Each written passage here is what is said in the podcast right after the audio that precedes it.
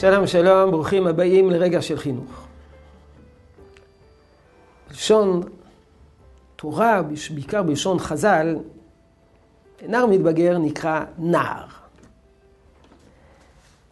למה נקרא נער? מה שורש המילה נער? מצאנו שני פירושים מעניינים אצל גדולי ישראל. שני פירושים שמשקפים שני היבטים בהתפתחות של גיל ההתבגרות. פירוש אחד מופיע בספר הכתב הקבלה.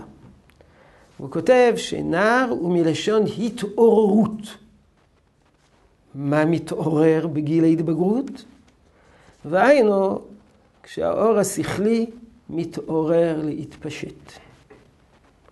השם נער הונח על מעמד הנערות בבחינת רוחניותו.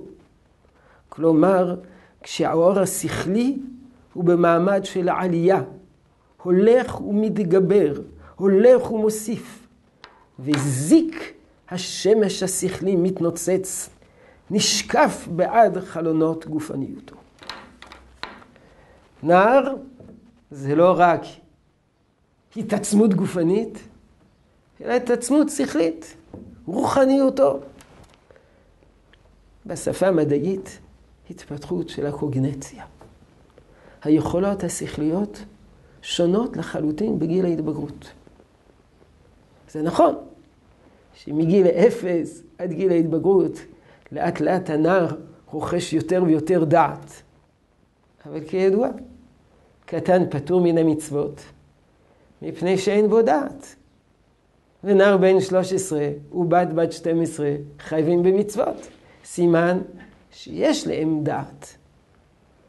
נכון שישנה התפתחות הדרגתית, אבל בגיל ההתבגרות זאת קפיצה.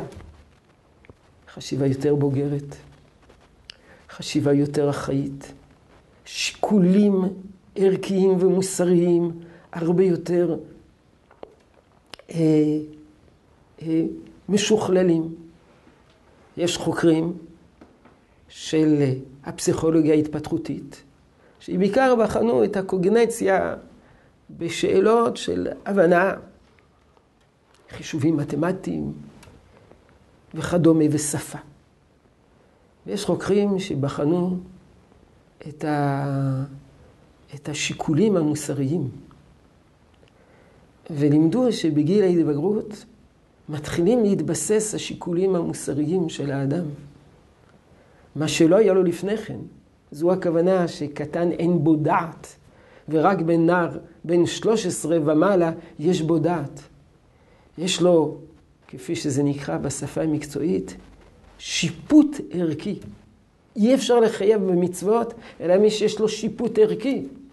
לחייב מצוות מדאורייתא זה לא סוג של, של, של עשייה אה, כרוטינה, כשגרה, מבלי להבין, באופן טכני. צריכים להזדהות, צריכים להבין, צריכים יכולת של בחירה. זה השיפוט הערכי, הדעת, שמתווספת בגיל ההתבגרות. ומכאן הלשון נער, הליבה דקתיו והקבלה.